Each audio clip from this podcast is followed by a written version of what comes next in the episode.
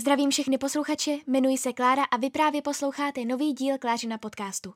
Klářin podcast je veden 21-letou studentkou žurnalistiky, která ze všeho nejvíce miluje kulturu.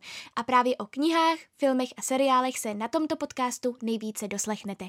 Děkuji vám, pohodlně se usaďte a poslouchejte nový díl.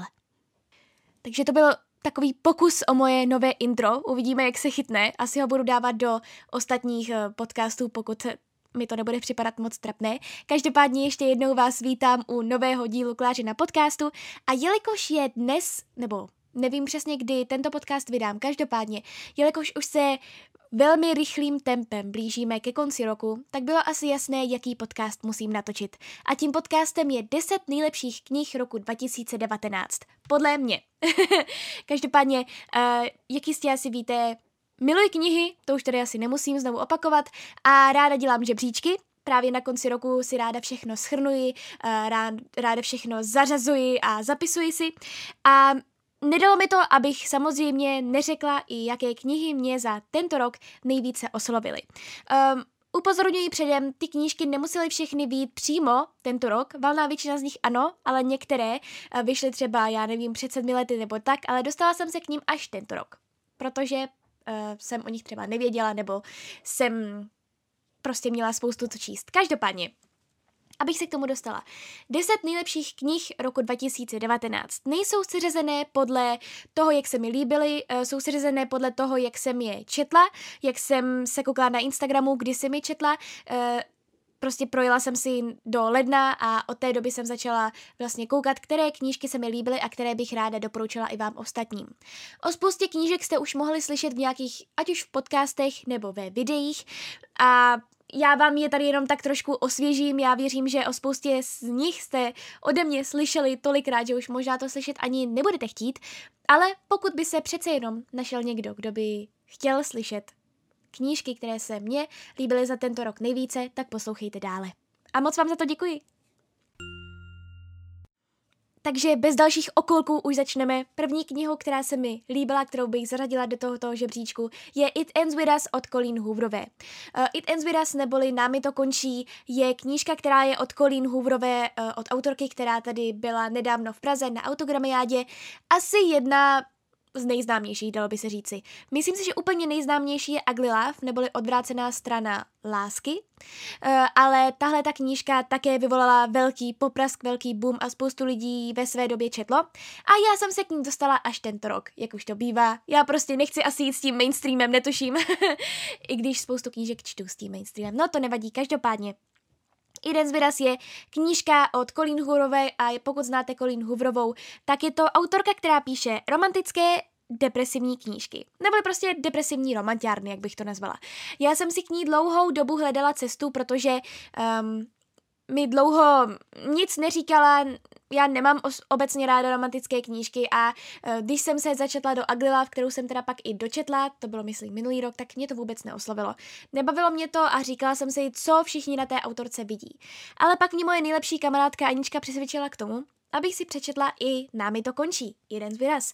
A já jsem si řekla, že dobře, zkusím to. Za pokus nic nedám. A jsem moc ráda, že jsem to udělala, protože zrovna tahle ta knížka je jednou asi ze čtyř knih za celý můj život, u které jsem opravdu brečela.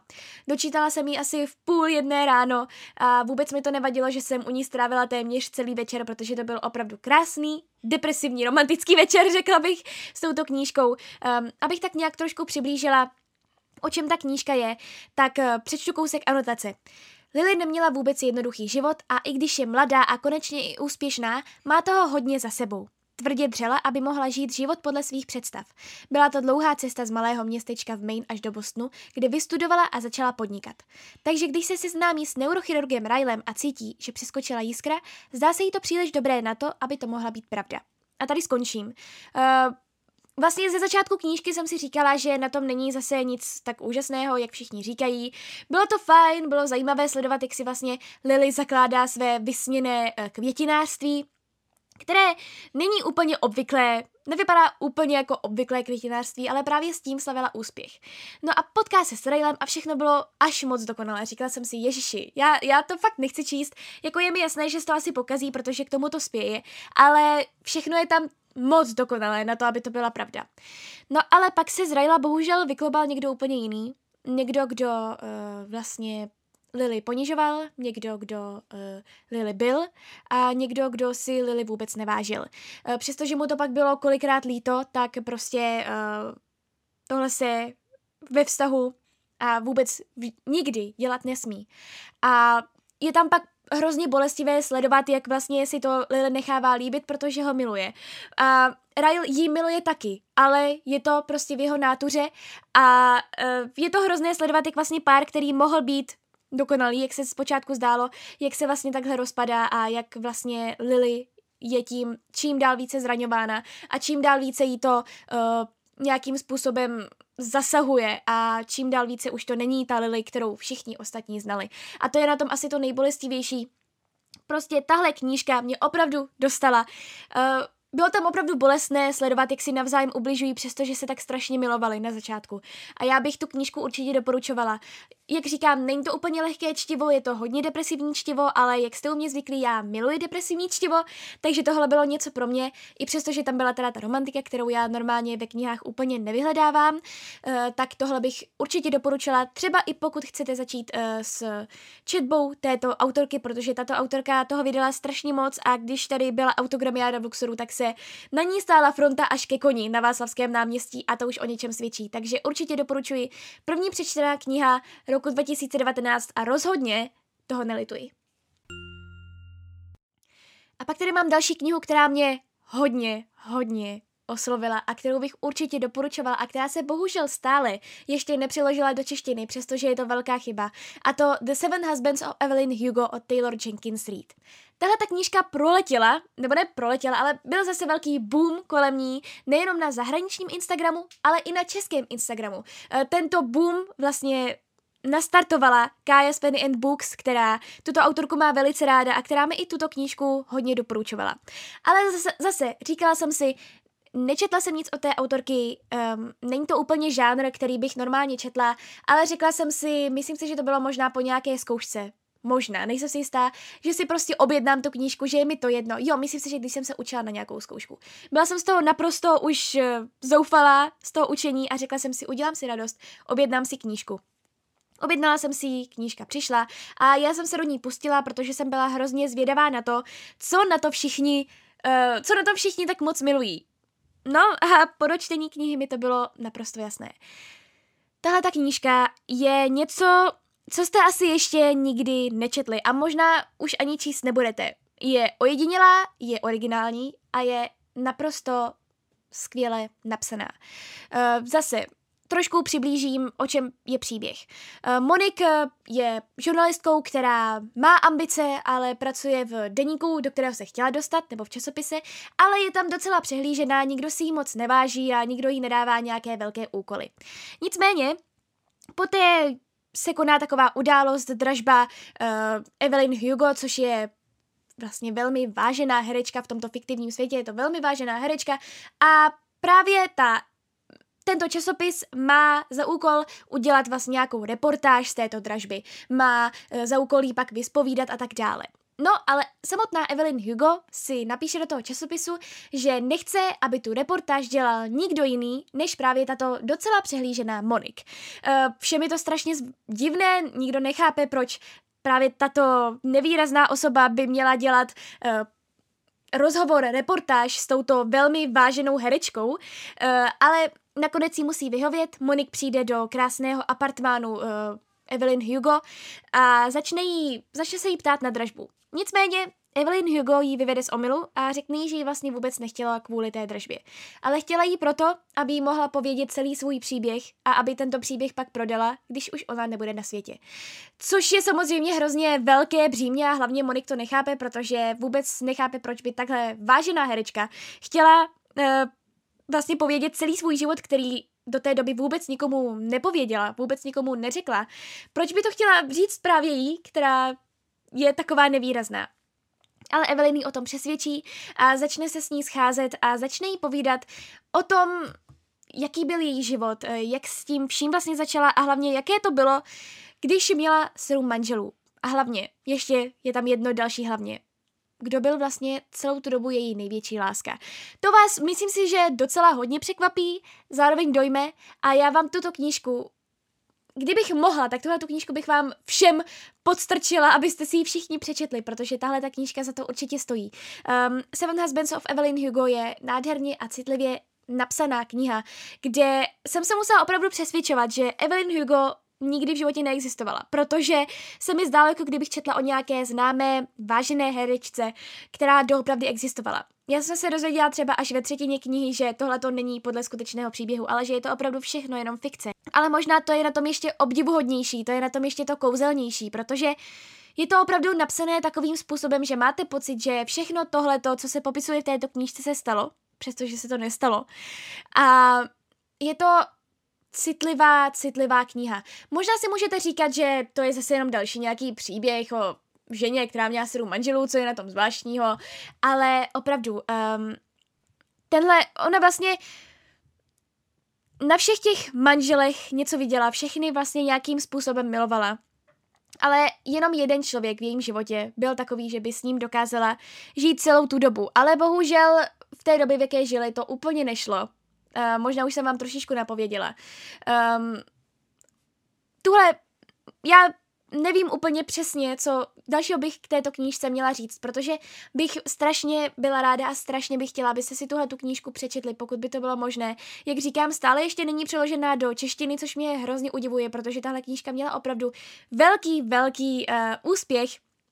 Hlavně Kája všude prosezovala pak ji začalo číst spoustu dalších lidí, včetně mě a jsem hrozně ráda, že jsem se k této knížce dostala, takže pokud budete mít tu možnost někdy si tuto knížku pořídit, tak si ji určitě pořiďte, uh, protože stojí za to, je to krásný příběh a to je druhá knížka, u které jsem uh, brečela tento rok, což je už fakt co říct, protože já u knížek vážně normálně nebrečím, ale tahle ta knížka zase mě oslovila a myslím si, že by mohla oslovit i vás. Tak třetí knížka je knížka Zůstaň se mnou od autorky Ayobamy Adebayové. E, tahle ta autorka je, eh, pokud se nepletu, eh, nigerijská autorka, což bylo zase zajímavé, zajímavý vhled do jiné kultury, protože ona napsala příběh o tom, jak žena nemůže otěhotnět a jak moc to vlastně ovlivní jí a celou její rodinu. Zase přečtu kousek anotace. Její jde doufá v zázrak, že porodí dítě. Touží po něm její manžel, touží po něm její tchýně. Její jde už vyzkoušela všechno. Namáhavé svaté poutě, tance s proroky, modlitby k Pánu Bohu, když ale její rodina neústupně trvá na tom, aby si Akin našel druhou ženu, je už toho na její jde příliš. A tak se začíná odvíjet příběh odcizení, žárlivosti, zrady a zoufalství. Na pozadí společenských a politických zvratů, kterými v 80. letech 20. století procházela Nigérie, vykresluje Ayobami Adebayová strhující obraz křehkosti manželské lásky, rozpadu rodiny, zničuj, zničujícího žalu i vše pohlcujících mateřských pout. Román Zůstaň se mnou je příběhem o naší zoufalé snaze ochránit před zármutkem sebe i ty, které milujeme. Vím, že jsem si o tuhle tu knížku řekla, že se mi docela líbil ten příběh, ale za stolik jsem od ní neočekávala. Ale když jsem knížku přečetla, nebo teda dočetla, tak jsem si řekla, že tahle ta knížka za to opravdu stála a že jsem ráda, že jsem si ji přečetla. A není divu, že je na žebříčku těchto deseti nejlepších knih, které jsem za uh, tento rok přečetla. Uh, zase, byl to strašně zajímavý vhled do jiné kultury, jak se k tomu staví vlastně africká kultura. Právě ještě v 80. letech 20. století, kdy tam byly nějaké ty nepokoje samozřejmě. A bylo to hrozně, jak říkám, teda zajímavé a velmi uh, zajímavý i pohled na to, jak právě na tento problém, který bohužel, když se vyskytne v rodinách, tak uh, v mnoha případech tu rodinu je schopný i zničit, tak bylo zajímavé na to zase pohlížet z té jiné strany, eh, pohlížet očima té jiné kultury. A opravdu eh, hlavní hrdinka udělala vlastně téměř všechno pro to, aby eh, porodila dítě, aby měla to dítě a toužila potom dítěti tak moc, až jí to naprosto pohodtilo, což, což také není úplně nejlepší a což samozřejmě také zraňuje ty kolem. Zase ti kolem na ní měli ten vliv, eh, že nebo ten tlak na ní byl vyvíjen, že musí porodit dítě, což také nebylo úplně příjemné a vlastně ten, ten příběh, já si myslím, že eh, tahle knížka je také pro milovníky těchto románů z reálného prostředí nebo z románů s různými takovými, takovými to problémy. Takovýmto problémem se zabývá například i to nejlepší v nás od Colleen Hooverové už zmiňované a je to hrozně zajímavé to takhle sledovat, jak tento problém může zničit i ten nejstabilnější i ten nejpevnější vztah. A teď už se nám tady objevují i knihy od českých autorů a knihu, kterou tady jednoduše musím zmínit a vy asi víte, že ji tady musím zmínit, protože když jsem mluvila o knihách od českých autorů, tak tahle ta knížka právě uh, se mi vždycky zmiňovala jako první, a to Houbačka od Viktorie Hanišové. Já jsem se s Viktorií Hanišovou, um, nebo teda s její tvorbou, seznámila skrze Anešku, což byla její debitová knížka, a ta mě velmi překvapila. Já jsem totiž na začátku roku měla přečtené třeba tři knihy od českých autorů, ale zrovna Anešku jsem četla ještě předtím, než jsme dostali ten úkol, um, nebo než jsme měli za úkol přečíst na zkoušku 50 českých knih. Ale já už o tom nebudu mluvit, protože o tom mluvím téměř v každém podcastu a možná už vás to může trošičku i štvát, ale prostě vždycky, když povídám o českých autorech nebo o knihách o českých autorů, tak je potřeba zmínit i tuto zkoušku, je potřeba zmínit i tu cestu, jakou jsem si našla k těmto českým autorům a jsem za to vlastně i hrozně rád, že jsme měli tu zkoušku. Každopádně, Aneška mě velmi překvapila, velmi se mi líbila, a proto bylo jasné, že si musím přečíst i houbařku. Věděla jsem, že houbařka uh, byla dost populární v minulém roce, kdy vyšla, ale jak jsem v té době nečetla knihu českých autorů, tak mě vlastně totálně minula. Nicméně, uh, když jsem knihu začala číst, uh, tak jsem se od ní doopravdy nemohla odtrhnout. Zase přečtu kousek anotace. Co všechno se dá najít v lese? Mladá Sára žije ve staré chalupě na Šumavě a živí se sběrem hub. Každé ráno si obuje letité pohorky, popadne košík s utěrkou, v kapse pohladí ostrý nožík a vyrazí. Už sedm let chodí po stejné trase. Sedm let od jara do podzimu sbírá houby na týž místech a prodává je za pár stovek jedné hospodě. Jako dobrovolná poustevnice se s nikým nepřátelí ani neopouští pošumaví. Jen občas vyrazí za psychiatričkou do Plzně přesvědčitý o svém vyrovnaném duševním stavu. Zpráva o matčině smrti proto Sářin život příliš nezmění. Zúčastní se pohřbu, setká se s bratry, kterým se už dávno odcizila a vrátí se zpátky do lesa. Jenže co se zdá jako nepatrnost na povrchu, bouřlivě bojí pod ním. Dědické řízení do jejího života navrátí rodinu, která ji zavrhla. A domek se postupně rozpadá. Obchody nejdou, začíná být jasné, že Sára bude muset svůj houbařský způsob života opustit. A jedinou cestou ven je přestat odvracet oči od toho předchozího. Viktorie Hanišová zpříma a zároveň citlivě měří, co vydrží dětská duše a kde jsou hranice rodiny. Román Houbařka je příběhem předem neúspěšného pokusu utéct traumatu. Občas ale nejde utíkat. No, Všechno, co je v této anotaci samozřejmě řečené, je pravda. Uh, tento příběh začíná tím, že Sáře, hlavní teda postavě, zemře máma a ona se musí vlastně, musí čelit uh, své rodině, kterou dlouhou dobu neviděla, kterou vlastně dobrovolně nevídá. Uh, sice je pravda, že za ní čas od času někdo zajde, ale také přímo nevyhledávají její uh, přítomnost. A ona si žije tímto stereotypním životem, je spokojená, vlastně téměř nic nevydělává a opravdu jenom živoří a vydělává si opravdu jenom na to nejnutnější. Uh, ale jejím vlastně k čemu se upíná je opravdu ten sběr hub, což je náplň celého jejího života, je to její obživa a dalo by se říci, že asi i její koníček, protože se v těch houbách opravdu vyzná. Nicméně s tím, že její matka umře, tak eh, jsou vlastně různé, uh, samozřejmě musí splnit různé úkony, musí podepsat různé smlouvy a tím pádem se musí i setkat s tou její rodinou. Nicméně, právě hlavním um, poselstvím této knihy nebo um, hlavním problémem této knihy je opravdu to, jak moc eh, dítě může ovlivnit to, co se mu stane v minulosti, co se mu stane v dětství a jak moc se to s ním může celou tu dobu nést. Jak moc to může vlastně poznamenat jeho psychiku, což je podle mě strašně zajímavé. Eh, objevilo se to už sice v mnoha knihách, eh, toto, mm, tento vlastně problém, které, který nastal v dětství a který se pak táhnul s těmi lidmi až do dospělosti a který prostě potřeboval být vyřešený, aby ten člověk mohl překonat nějakou svou uh, etapu v životě. Um, Román Houbařka mě neskutečně překvapil, jak říkám, četla jsem ho, dokud jsem ho nedočetla, četla jsem ho téměř na jeden zátah a jak už jsem říkala v nějakých podcastech, já, já mám strašně špatnou paměť. V posledních letech opravdu hodně špatnou, takže první, co zapomínám, je konec knihy, poté samozřejmě postavy a poté příběh. No ale jsem si jistá, že u houbařky si ten konec budu pamatovat až nevím dokdy. Pamatuju si ho stále, protože ta poslední věta, která byla v té houbařce, tak to byl naprosto přesné. Naprosto přesně se to tam hodilo. Bylo to jako uh, třešníčka na dortu, jako um, zlatý hřebík, nevím, jak se tomu úplně přesně říká těmto přirovnáním, ale uh, prostě čistě a jednoduše to tam naprosto sedlo a když jsem přečetla tu jednu větu, tak si pamatuju, že jsem tu knihu hlučně zaklapla a řekla jsem, jo, přesně takhle to mělo skončit, přesně takhle to mělo být. A Houbařka opravdu společně ještě s jednou knížkou, kterou tady budu zmiňovat ještě v tomto podcastu, eh, je nejlepší českou knihu nebo nejlepší knihu o českého autora, kterou jsem kdy četla. Takže pokud si budete chtít přečíst něco velmi kvalitního o českého autora, tak určitě pokud šáhnete po jakékoliv knize od Viktorie Hanišové, neuděláte chybu, ale pokud sáhnete po houbařce, tak si myslím, že budete nadšení. Ale pozor, není to úplně lehké čtivo zase, je to docela depresivní čtivo, um, tím, jak se pak zjistí, co se vlastně v dětství uh, Sáře, hlavní postavě, stalo. Není to úplně jednoduché a uh, ano, je tam docela dost pasáží, kde se popisuje jenom to, jak hlavní postava sbírá houby, ale stejně já sice o houbách nic nevím, ale stejně, stejně mě to neodradilo a stejně jsem četla dál a dál. Takže určitě doporučuji. No a máme tady další knížku od neméně známé autorky, možná, že ještě trošičku známější než Viktorie Hanišové, a to Alena Monštejnová a její tiché roky.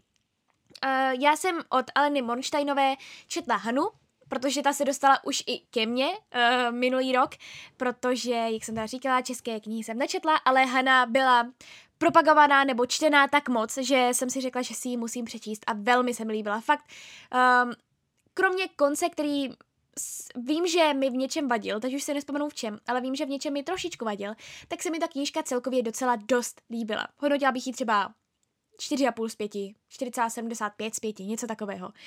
No ale pak jsem si přečetla Tiché roky. Uh, ku podivu, Tiché roky se mně osobně líbily ještě více než Hana. Což není úplně obvyklý názor, není to úplně populární názor, protože valná většina lidí říkala, že Tiché roky se jim docela líbily, ale prostě Hanu to nikdy v životě nepřebije.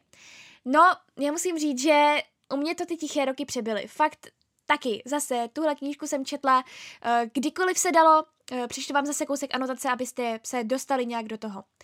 Eh, Bohdana je uzavřená dívka, která žije pouze s mrzutým otcem a dobrosrdečnou, ale poddajnou bělou. Trápí ji napětí v domě a také tajemství, které jí nepřestává vrtat hlavou. Proč jí těžce nemocná babička při poslední návštěvě v nemocnici oslovila Blanka? Vedle toho se odvíjí příběh Svatopluka Žáka, oddaného komunisty, který celý svůj život zasvětil budování socialismu, lásce ke své ženě a dceři, jejíž budoucnost měla být stejně zářivá jako hvězda na rudém praporu. Jenže, jak se říká, chcete-li Boha rozesmát, řekněte mu o svých plánech. A tak se v jednom okamžiku oba příběhy slejí do jednoho a ukáže se, že nic není takové, jak se doposud zdálo a už vůbec ne takové, jaké by to být mělo. Nový román Aleny Monštejnové je odlišný od předchozích. Nejedná se o velké historické téma, nýbrž o intimní rodinné drama, kde hlavní roli nehrají velké dějiny, ale náhody a lidské charaktery.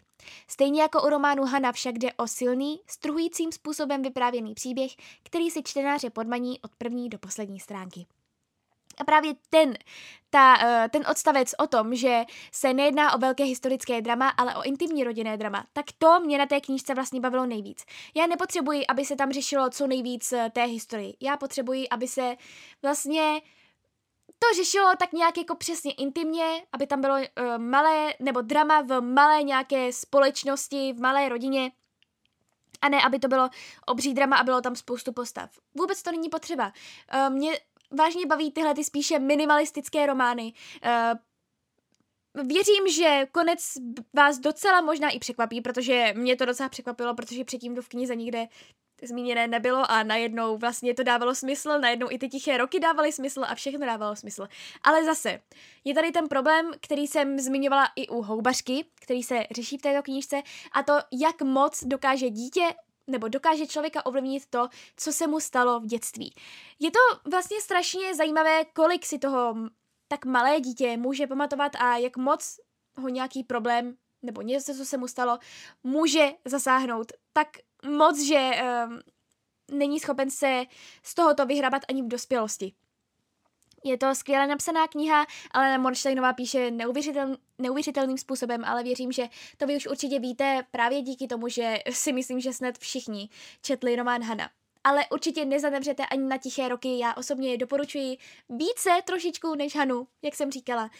Um, je to krásně, krásně napsaná kniha. Samozřejmě nechci tady nějak schazovat Hanu, to je prostě úžasná kniha, ale Tiché roky, pokud bych měla doporučit, tak Tiché roky se mně líbily osobně více než Hana a doufám, že, uh, že Tichým rokům dáte šanci, přestože nemají zdaleka tolik uh, ohlasů jako právě Hana.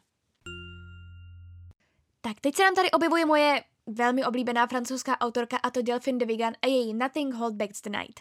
Um, její knížka, nebo tahle ta knížka byla vydána i v češtině, asi před sedmi lety, ale bohužel už je rozebraná a nevím, jestli se plánuje dotisk.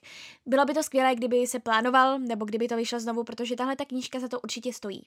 Zase, ze začátku jsem si říkala, mm, tak tohle je asi první knížka o Delfin, která mě bavit nebude, protože podle skutečného příběhu mě velmi bavilo. Vděk, pouta, všechno bylo prostě skvělé, ani později, ani jinde. Všechno bylo skvělé. Ale u této knížky tahle mě jako první nechytla už od začátku. Ale stačilo se do ní začíst. Tento román je vlastně jakási biografie. E, začíná to jako vyprávění o autorčině matce Lucille, která si toho zažila docela dost za ten život, ale je to napsané vlastně takovým způsobem, Tady na rozdíl třeba od Seven Husbands of Evelyn Hugo jsem měla pocit, jako kdyby, kdybych četla celou dobu fikci. Nejenom kvůli tomu, co všechno neuvěřitelného se dělo autorčině matce Lucille, ale také uh, díky tomu, že to bylo napsané tak strašně poutavým způsobem, takovým způsobem, kterým jsou napsané všechny její romány. Ale vlastně tohle byla biografie, byla to čistá pravda o tom, co se stalo v její rodině. Ona měla spoustu sourozenců, um, ta její matka Lucille měla spoustu sourozenců a um, ne každý měl velmi veselý osud. Uh, vlastně téměř nikdo eh, nevzešel z toho uh, dětství uh, do dospělého člověka úplně v, ve vyrovnaném stavu, řekla bych. Ale právě Lucille byla tím vším postižená asi nejvíce. Uh, měla deprese uh, a problémy s různými věcmi a vlastně dcera, její dcera právě Delphine de Vigan vypráví celý život její matky. Uh, a jak teda říkám, není to úplně nejjednodušší četba, zase přečtu vám kousek anotace. Na první pohled obyčejné vyprávění o autorčině matce je ve skutečnosti biografií, rodinnou ságou i autorčinou intimní zpovědí. Delphine de Vigan s obrovskou dávkou citu a upřímnosti vypráví životní peripetie své matky, aniž by se bytě na okamžik uchýlila k poeti- patetickému žalospěvu. V, první, v příběhu hlavní postavy Lucille se střídají sebevraždy, incest, nevěra, smrt a nemoc, které by jistě mnoho rodin srazily na kolena. Právě síla, s jakou toto vše autorčina uh, rodina překonává, tvoří ústřední myšlenku románu. Moc temnoty je obrovská, avšak záleží také na nás, zda a jak se jí pokusíme vzepřít. Spisovatelka totiž nepíše pouze o své rodině. Hluboce osobní vzpomínky a prožitky se v jejím podání dotýkají nás všech a odhalují natolik prost, nakolik prostředí, ve kterém vyrůstáme, utváří naši osobnost. A zase, zase je tady ten problém.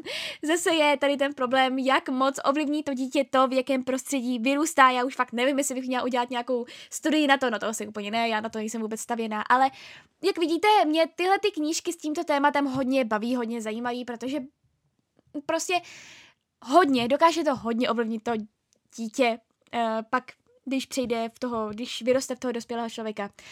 Um, a právě tady je až neuvěřitelné, co všechno její matka uh, prožila, co všechno přežila uh, a co všechno musela vlastně podstoupit, co všechno musela vzít v potaz a bohužel pak není divu, že se z Lucille stalo to, co se stalo.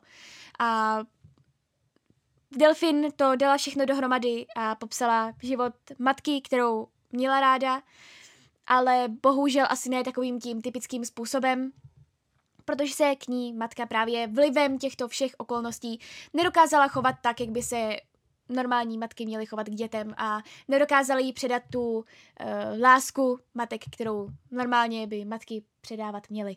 Takže zase velmi silné štivo a hned po podle skutečného příběhu uh, je tato knížka od této autorky, která se mi líbila nejvíce. Takže podle skutečného příběhu a hned potom Nothing Hold Back the Night, protože je to prostě úžasná, úžasná kniha, skvěle napsaná, poutavě, jako kdyby to byla fikce. A přitom pak jste až v úděsu z toho, co všechno se jednomu člověku nebo jedné rodině může stát. samozřejmě tady musím zmínit i další knihu, která docela zahýbala uh, Instagramem a to Normal People od Sally Rooney. Uh, Sally Rooney uh, Nedávno vyšly u nás v češtině rozhovory s přáteli, nevím, jestli se chystá tahle ta knížka, nebo jestli už je v češtině, to jsem si upřímně moc nevšimla, protože mi bylo jasné, že tuhle tu knížku si chci přečíst v angličtině. Um, já jsem tuhle tu knížku už měla vlastně um, asi tak 8 měsíců do 8 měsíců předtím, než jsem se konečně tu knížku odhodlala, odhodlala přečíst. Koupila jsem si ji v Berlíně, kdy jsme tam byli před Vánoci minulého roku protože tu dobu, já nevím, myslím si, že nevyhrála Man Booker Prize, ale že na ní byla shortlisted, že byla prostě na tom uh, krátkém seznamu uh, a nakonec ji teda nevybrali, ale byla tam, byla nominovaná a jak jistě víte, já jsem na ty Man Booker Prize docela ulítla, takže docela ráda čtu knížky, které jsou na to nominované, nebo které tuto cenu vyhrály. Uh, Normal People je vlastně hrozně obyčejná normální knížka. Zabývá se uh, dvěma hlavními postavami, Conlem a Marian, kteří si sami sebe tolik um, vlastně nevšímají.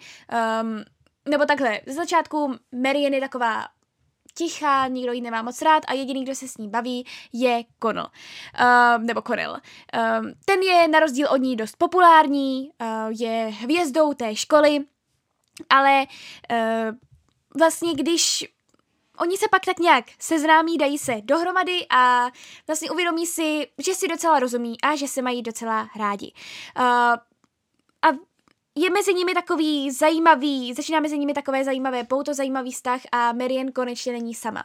Nicméně pak oba dva začnou studovat na univerzitě v Dublinu a ty role se tak nějak obrátí.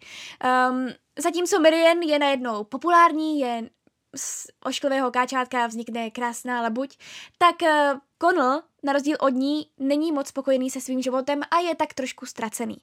Uh, ale stále se vlastně nějakým způsobem potkávají, dávají se dohromady, poté se zase nebaví a je to vlastně strašně zajímavý a přitom obyčejný příběh o tom, jak moc vlastně um, to, že někoho známe, zase, jak moc vlastně to, že někoho známe v nějakém období našeho života, jak moc to pak obdo- ovlivní to další období, jak moc to ovlivní naše dospívání, jak moc to ovlivní to, koho se pak proměníme, to, kým se pak staneme. A já mám prostě hrozně ráda tahle ta témata, která se týkají změny, která se týkají um, něčeho, co způsobilo tu změnu, která se týkají vlastně čehokoliv takového. A je to vlastně vtipná kniha, je to citlivá kniha a hlavně neskutečně dobře napsaná kniha. A já se vůbec nedivím, že i s tímto románem, i s tímto románem Sally Rooney uh, měla velký úspěch, uh, jak říkám, teda nejenom v zahraničí, ale i u nás. Já jsem tuhle tu knížku viděla dost často na Instagramu a vůbec tomu nedivím, protože tahle knížka je skvělá. Určitě bych vám ji doporučovala, pokud máte třeba rádi knížky jako One Day nebo Jeden den od Davida Nicholse, což je i film. Uh, pokud máte rádi třeba Love Rosie od Cecily Ahern, uh, nevím, jak se přesně čte to jméno, což je taky vlastně takový mm, román, který se zabývá vlastně tím, jak se ten vztah v průběhu let vyvíjí, tak určitě pro vás bude i Normal People. Určitě bych vám to doporučovala, protože je to krásně, hlavně je to krásně napsané. Ten příběh je vlastně úplně obyčejný, ale vlastně v různých ohledech naprosto jiný. Teď tady mám knížku, kterou jsem v podcastu zmiňovala už hodněkrát, ale zmíním ji prostě znovu, protože určitě má důvod, proč je tady v tom seznamu deseti nejlepších knih, které jsem za tento rok přečetla, a to je Tamařino se hvězdí od mé skvělé kamarádky a skvělé autorky Aničky Musilové. Je to teda její druhá knížka, Černooká jí vyšla minulý rok a Anička nelenila a vydala za chvíli novou knížku a to právě Tamařino hvězdí. Nicméně uh, Tamařino hvězdí je vlastně naprosto jiné než Černooká a v různých, nebo takhle, v nějakých ohledech je stejné, a v nějakých ohledech je naprosto jiné. Eh, přečtu vám kousek anotace. Život 19-leté Liv se ani trochu neubírá směrem, kterým by si přála. Přijímačky na vysněnou fotografickou školu nevyšly, místo toho studuje práva, přivydělává si jako servírka v kavárně a těžko hledá společnou řeč s rodiči. A pochybuje. O sobě, o tom, co cítí, o své budoucnosti. Jedinou zpřízněnou duší je její nejlepší kamarádka Johana, sarkastická mladá novinářka, která má navzdory její drs, která má navzdory její drsné fasádě sama problémů až dost. Všechno se ale začne obracet vzhůru nohama, když v kavárně potká o několik let starší Tamaru. Tamara ji fascinuje a zároveň děsí. Její tajemnost i náhlý příval citů, který k ní Liv začne chovat. Tehdy ještě netuší, jak moc měsíce strávené po Tamařině boku ovlivní zbytek jejího života.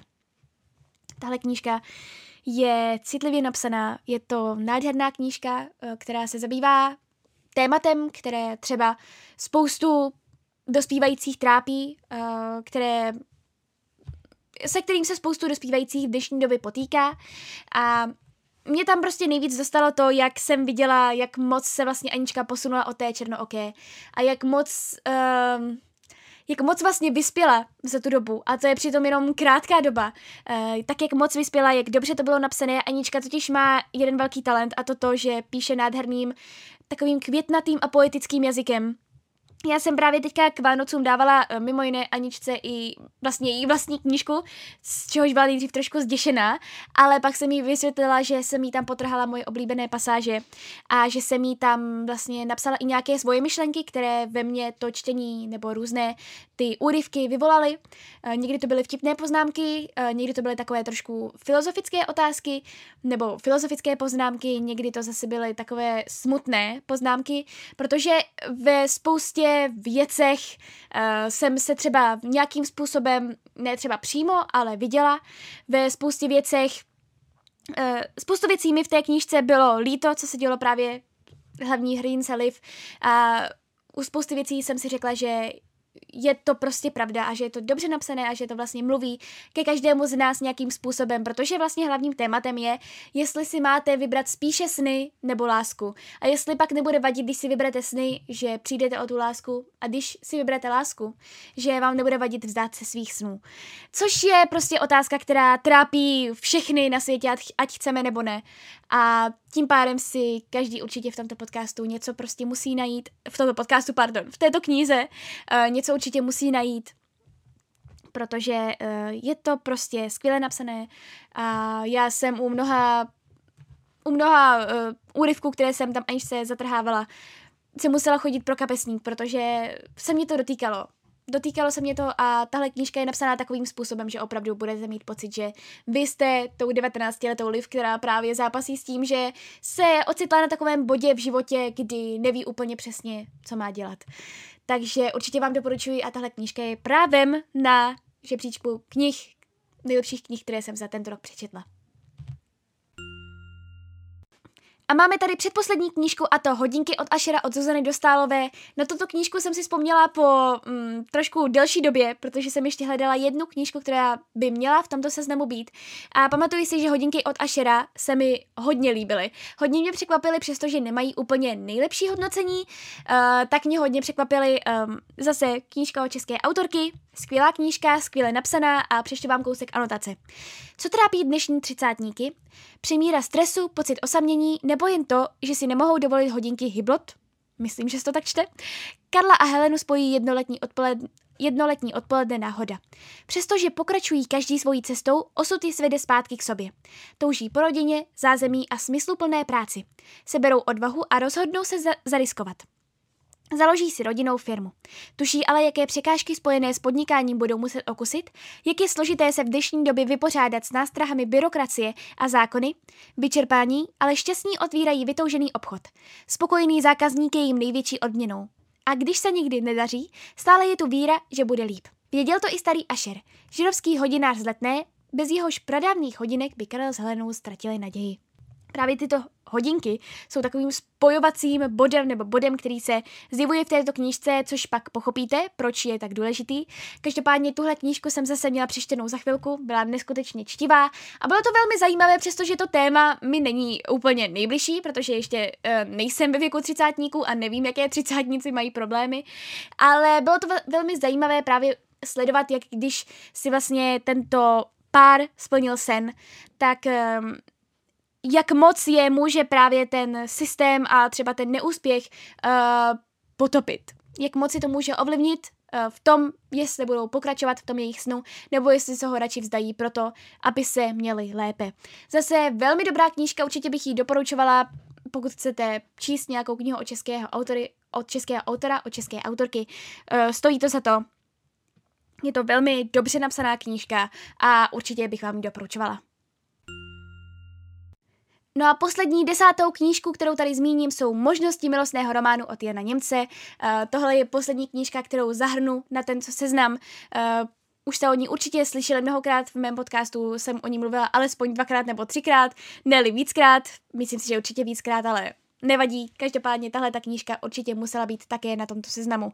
Protože možnosti milostného románu jsem si spontánně vzala v knihkupectví, protože mě oslovila anotace, která byla velmi vtipně napsaná uh, a řekla jsem si, že bych to mohla teda vyzkoušet, já jsem ji viděla dost často na Instagramu, ale nějak jsem se úplně neměla k tomu, abych eh, si tu knížku přečetla. Ale jsem ráda, že jsem to nakonec udělala, protože se řadí společně s Houbařkou opravdu mezi nejlepší knihy o českých autorů, co jsem kdy četla. Uh, vlastně zase přišel kousek anotace. Nový román Jana Němce je románem o lásce. Na první pohled příběh velkého milostného vzplanutí a peripetí šestiletého partnerského vztahu. To, skutečně, to skutečné drama se však odehrává jinde, v umanuté a trýznivé potřebě pochopit, proč to skončilo. A protože spisovatel má jediný nástroj, jsme svědky toho, jak na rozvalinách milostného vztahu vzniká milostný román. Jak je každý zážitek a konflikt nasvěcován z různých stran. Jak se na něj přikládá šifrovací mřížka jiných textů, od božské komedie po efemérní zprávy bulváru a jak se skutečnost vzpírá a to podstatné stále znovu uniká mezi prsty. A sledujeme i to, jak se autor mění v románovou postavu a v poctivém zápase překračuje hranice tělesné i myšlenkové intimity. Je-li poznání jedinou morálkou románu, jak tvrdí Milan Kundera, není jiná možnost. Tahle ta kniha je neskutečně zajímavá i způsobem, jakým je napsaná, protože, jak jste asi slyšeli teda z té anotace, um, tato kniha není pouze příběhem, není pouze vyprávěným příběhem, ale vypráví se v ní právě, nebo různé kapitoly jsou takovým různým experimentem, řekla bych, protože jsou, tam různé úryvky, jsou tam rejstříky, uh, jsou tam prostě různá filozofická zamyšlení a to mě na této knížce mezi mnohým velmi bavilo. Um, tahle kniha Vůbec jsem nečekala, že mě tak moc osloví, ale opravdu, já jsem se, a to se mi dost moc často už nestává, těšila jsem se na každou jednu volnou chvíli, ve které budu moc tento román, tento možn, tuto možnost milostného románu číst, protože uh, to bylo hlavně nádherně napsané. Já jsem si i hned běžela potom pro dějiny světla od Jana Němce. Ještě jsem se k ním nedostala, ale chtěla chtěla bych se k ním dostat co nejdříve, protože mě se moc, moc, moc líbil způsob, jakým tato knížka byla napsaná. Bylo to originální nějakým způsobem, bylo to autentické a obdivuji opravdu Jana Němce, že s tímto vyšel, nebo že vyšel z kůží na trh, že opravdu popsal ten celý vztah od počátku až do jeho konce a co vlastně zapříčinilo, zapříčinilo jeho konec. A je to jedinečná knížka. Je to opravdu knížka, která se na českém trhu, a nejenom na českém, ale i na zahraničním trhu zas tak často neobjevuje. Může se vám zdát, že ano, o vztazích už tady bylo milion a půl knih, ale tahle ta kniha je originální. Tahle ta kniha z nich vybočuje, tahle ta kniha vyčnívá a je to dobře. A proto bych vám doporučovala si tuhle knihu přečíst. Doufám, že už jsem na žádnou nezapomněla. To bylo mých 10 nejlepších knih, které jsem přečetla za rok 2019. Doufám, že jste načerpali nějakou inspiraci a že jsem vás nerodila různými knihami, které už jsem zmiňovala v předešlých podcastech. Přeji vám jenom to nejlepší do nového roku 2020. Nebojte se, s podcasty stále budu pokračovat, protože mě velmi baví. Eh, samozřejmě můžete mě sledovat i na Instagramu jako Klářiny knihy a občasně budu přidávat i eh, nějaké videa ale bohužel, jak jsem říkala, času je málo a podcast je pro mě časově výhodnější. Každopádně děkuji vám za vaši přízeň, za vaši podporu, za vaše krásná slova a věřím, nebo garantuji vám, že Klářiny knihy tady budou s vámi i po další rok a doufám, že Doufám, že vám to bude prostě příjemné, takže moc vám děkuji, mějte se krásně, uh, užijte si oslavy nového roku a já se na vás budu těšit v příštím roce. Mějte se krásně!